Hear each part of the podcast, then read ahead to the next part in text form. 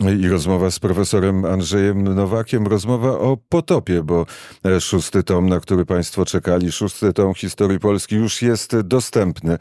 E, potop szwedzki. Dzień dobry, panie profesorze. E, dzień dobry, witam serdecznie. Ale zacznijmy od komentarza do tego, co zdarzyło się wczoraj w Parlamencie Europejskim. Z Łukaszem Jankowskim przeglądamy te, e, te 183 strony rezol projektu rezolucji Parlamentu Europejskiego. Co pan o tym sądzi, panie profesorze? No, sądzę, że jest to przykład świetnie zorganizowanej polityki e, z ustawką e, przypominającą łudząco wybór prezydenta Jaruzelskiego e, przez parlament PRL jednym głosem. E, przeszło i tutaj ta ustawka z rozdziałem głosów, tak żeby przeszła ustawa, a jednocześnie niektórzy udawali, że cnotę e, zachowali, e, świetnie została przeprowadzona. Ustawka, której konsekwencje, gdyby ta ustawka, gdyby ten projekt wszedł w życie, konsekwencje będą jakie? Niedobre. Myślę, że sam fakt, że jednak trzeba było uciec się do udawania, że, że ta dyscyplina czterech partii, które rządzą na sposób po prostu e, totalitarny, e, pozbawiający mniejszość jakiejkolwiek możliwości wyrażenia swojej opinii w Parlamencie Europejskim, e, no, udawała, udawała, że jednak nie jest cała, że nie w stu procentach popiera ten radykalny projekt, tak antydemokratyczny, jak tylko można sobie wyobrazić. To oznacza po prostu koniec demokracji w, w Europie. I to wydaje mi się ciekawym aspektem, na który ludzie mało zwracają uwagi.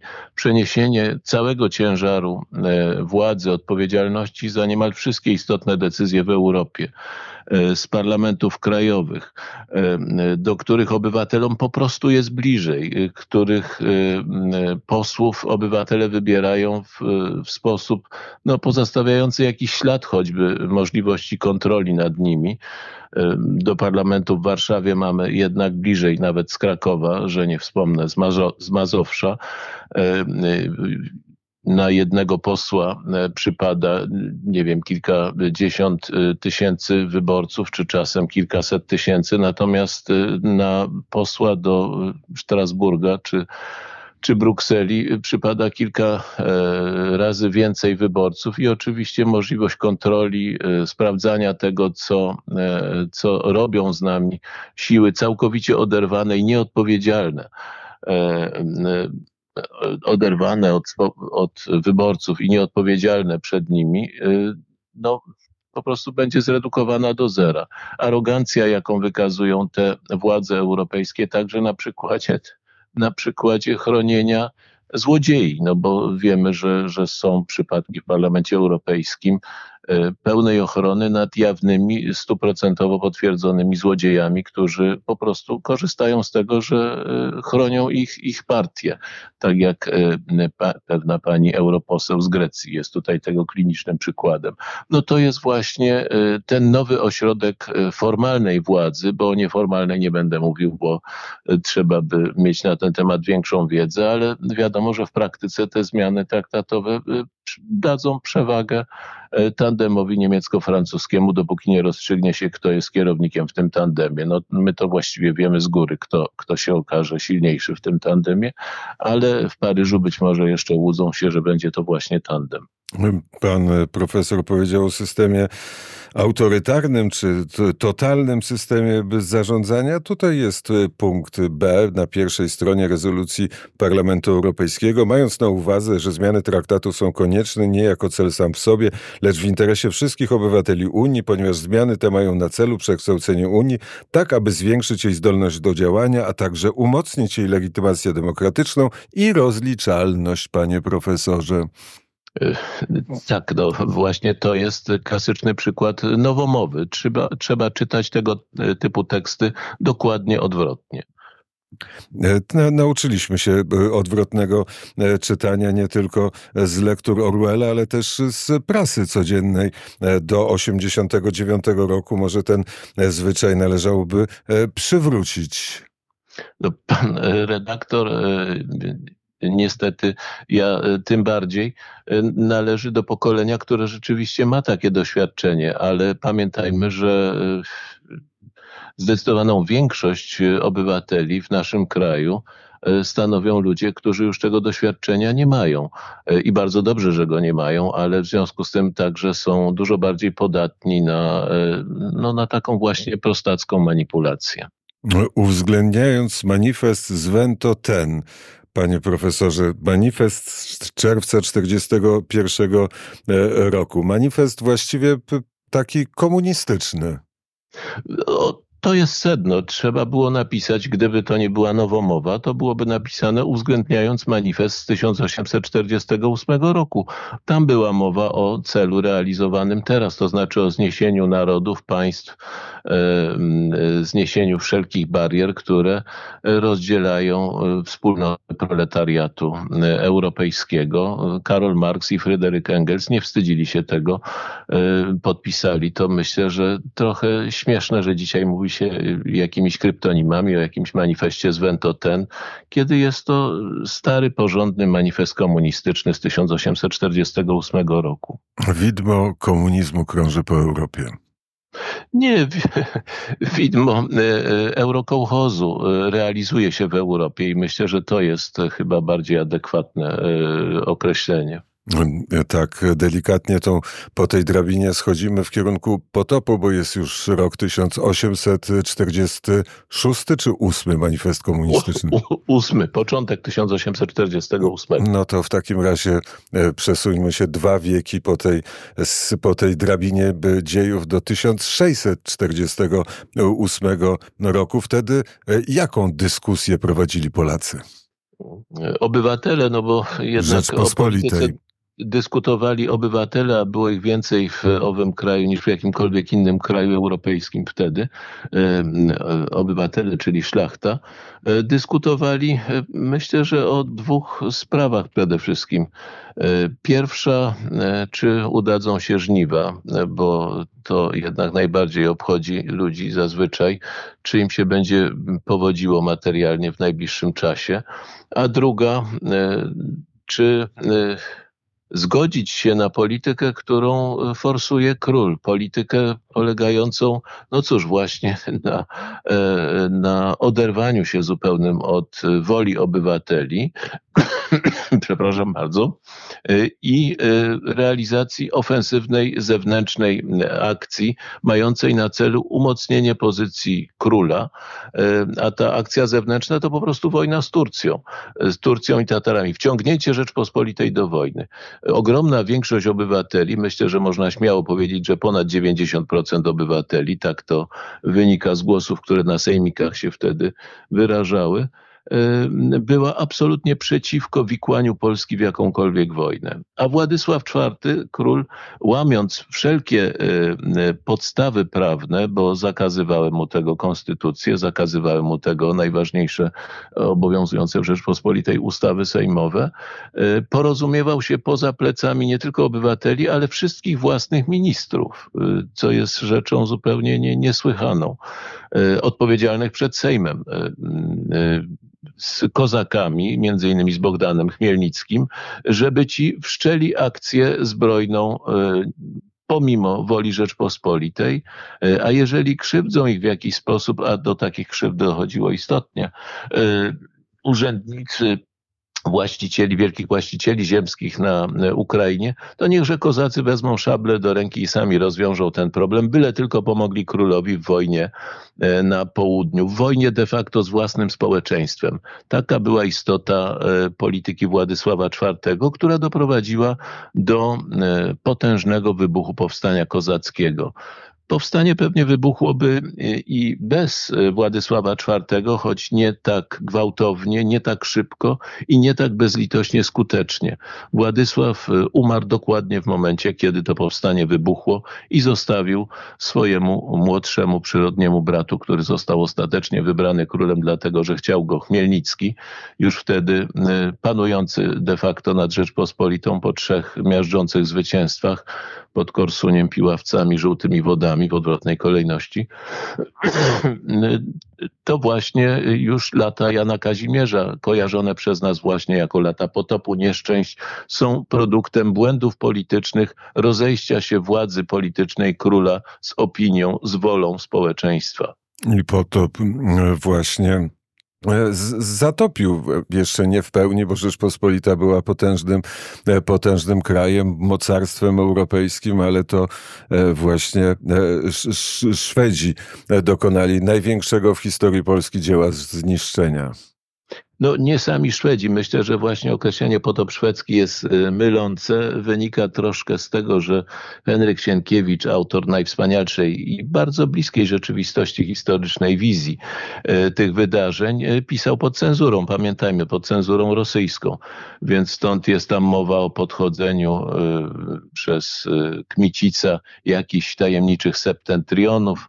Jest tam, pojawia się jakieś nazwisko Chowański, nie bardzo wiadomo, co ono znaczy, ale zanim był potop szwedzki, nastąpił potop moskiewski, rosyjski, który zajął ponad połowę terytorium Rzeczpospolitej i wtedy właśnie dołączyli się do tego Szwedzi, którzy chcieli e, nie dopuścić, ażeby Moskwa zajęła całe wybrzeże Bałtyku należące do Rzeczpospolitej, a kiedy ich akcja rozwinęła się wskutek, e, no, powiedziałbym, słabości okazanej przez część elit politycznych Rzeczpospolitej, które tak nienawidziły własnego króla, własnej władzy politycznej, czyli Jana Kazimierza, że gotowe były natychmiast poddać się Szwedom i w ten sposób e, Karol Gustawiak w masło wchodzi w Rzeczpospolitą latem 1655 e, roku i zajmuje drugą połowę.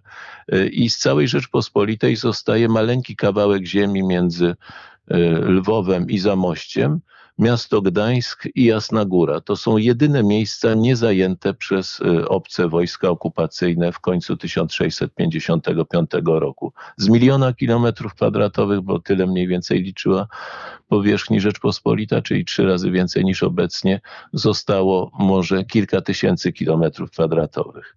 I to jest jedna bardzo smutna obserwacja o y, kryzysie elit, które no tak jak najbardziej haniebny przykład tego e, ujawnił się w Wielkopolsce, gdzie przywódcy e, Wielkopolski, wojewodowie, tamtejsi z e, entuzjazmem skapitulowali bez walki przed wkraczającymi słabszymi oddziałami szwedzkimi, co było bezprecedensowym przejawem hańby, no bo kapitulacja bez próby nawet walki z jakimiś obdartusami z północy, jest, jest niewątpliwie zjawiskiem, e, które nie miało wcześniej miejsca. Ale potem, i to jest drugi e, aspekt spojrzenia na potop, Potem duża część tej samej szlachty, która tak kapitulowała haniebnie w 1655 roku przed Szwedami, przed Moskalami, przecież dziesiątki tysięcy szlachty zaprzysięgły wierność carowi moskiewskiemu w 1654-5 roku. Ci sami ludzie chwytają za broń, e, zmobilizowani przez przykład właśnie Lwowa, Jasnej Góry, Gdańska oraz Tatarów, którzy byli wtedy naszymi jedynymi sojusznikami.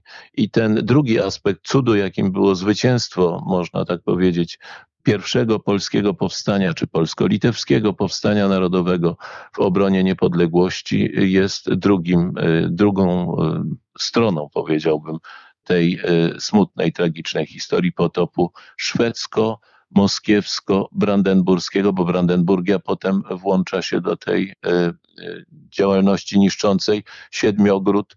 E, no i razem ze zdrajcami wewnętrznymi, z Bogusławem Radziwiłem, przypomnijmy, te siły bez Moskwy, która chciała no, połowy Rzeczpospolitej dla siebie nie chciała się dzielić ze Szwedami. Na szczęście nie weszła do tego układu, ale wszyscy pozostali, wymienieni przeze mnie, podpisali układ rozbiorowy podpisali układ rozbiorowy, który, y, który no niestety y, jest przykładem pierwszego uderzenia w podstawę niepodległości Rzeczpospolitej jeszcze przed ponad 100 lat, przed pierwszym dokonanym skutecznie rozbiorem. Przed rozbiorem z Radnot, bo tam w Siedmiogrodzie została podpisana ta umowa mająca zniszczyć państwo polsko-litewskie, udało się obywatelom Rzeczpospolitej obronić w roku 1656, 7, 8, 60. Powiedział pan profesor elity polityczne, a współczesne elity polityczne zebrały się przy ulicy Wiejskiej. Sejm trzeciej, dziesiątej kadencji zaczął swoje obrady i jak pan profesor to widzi? takie wybraliśmy elity, jakie zasiadają e, w Sejmie. To e, niezwykle banalna uwaga, ale od niej trzeba zacząć. Nie można się obrażać na rzeczywistość, którą tworzymy naszymi wyborami. E, być może nie wszyscy w pełni mieli świadomość, kogo wybierają, a wynikało to z olbrzymiej nierównowagi medialnej, która istniała nadal po roku 2015 E, nierównowagi sprowadzające się do tego, że najpotężniejsze kanały e, informacyjne, takie jak e, telewizje prywatne, które miały większość rynku, cała prasa lokalna aż do zeszłego roku znajdowały się w rękach opozycji z dumą nazywającej się totalną i totalnie zafałszowującej rzeczywistość, tak jakbyśmy żyli w kraju, E, gorszym. Wielokrotnie powtarzały się przecież takie nagłówki e, i strony tytułowe w Newsweeku, takie opinie e, w TVN-ie w kraju znacznie gorszym niż Polska była pod rządami Stalina.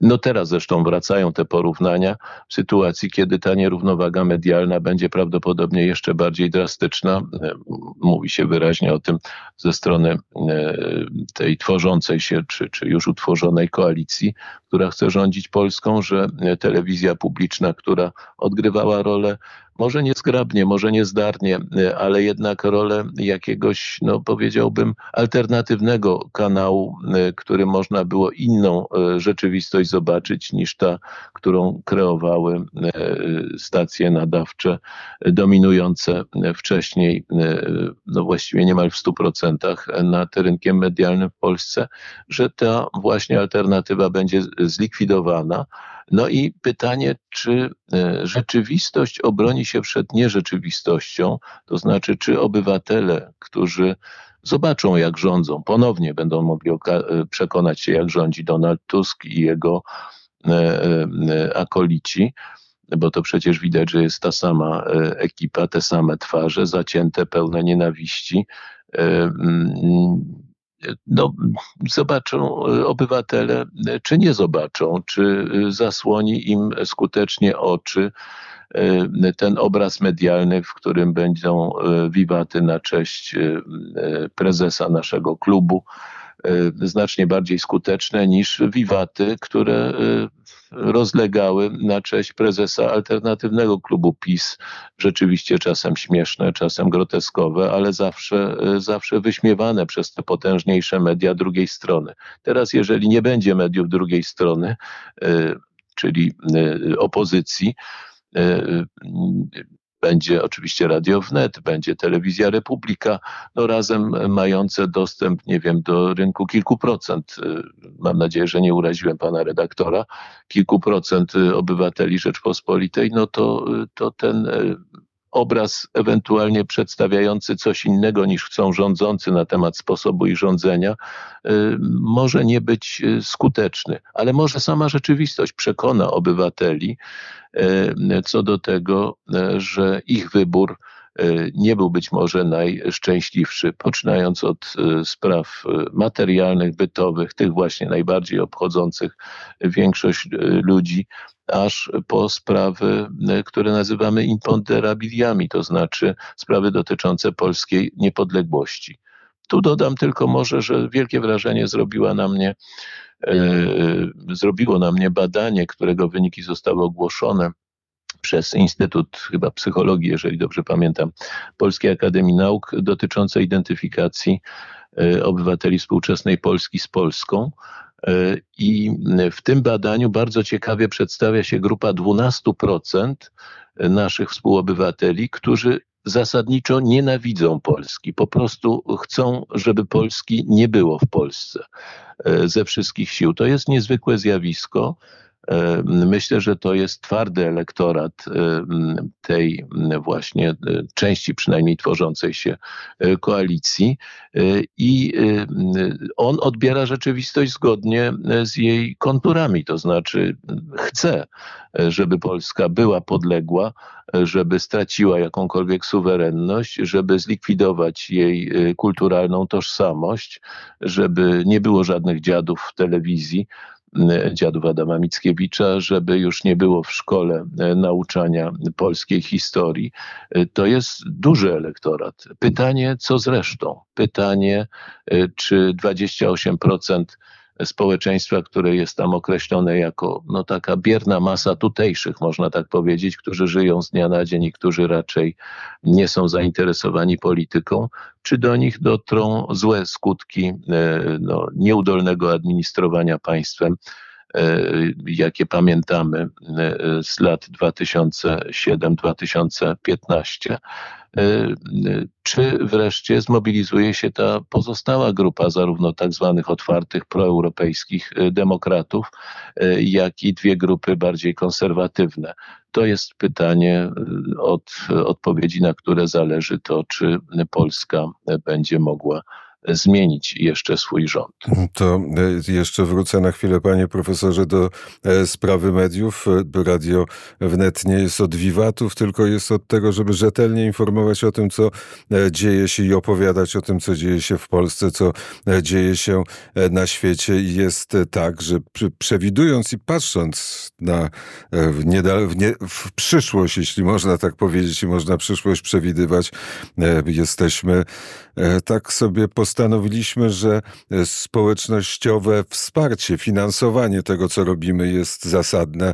Radio Wnet jest na patronite.pl ukośnik Radio Wnet i mówi e, w cenie e, jednej kajzerki dziennie jest najniższe wsparcie. Można zostać marynarzem i można powiedzieć tak, chcemy takiego radia, które potrafi żeglować i pod i nad wodą, i po morzach, i po oceanach, i też jeździć po Polsce Polsce i opowiadać o tym, co w tej Polsce się dzieje, panie profesorze.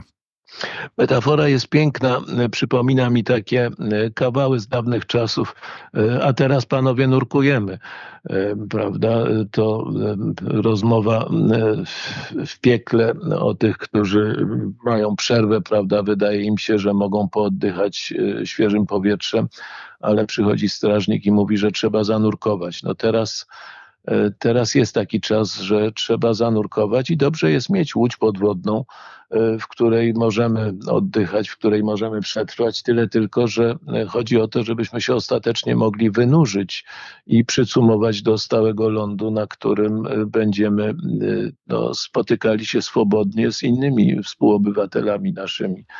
Więc myślę, że doskonale, że jest takie narzędzie jak wnet, obywatelskie narzędzie kontaktu z rzeczywistością, ale pamiętajmy, że naszym zadaniem nie jest pozostanie w zanurzeniu zanurzeniu, y, tylko właśnie praca nad tym, walka o to wszystko jedno, jaką metaforę tutaj rozwiniemy, y, żeby, y, żeby wszyscy mogli oddychać czystym, świeżym powietrzem dostępu do rzetelnych, prawdziwych informacji.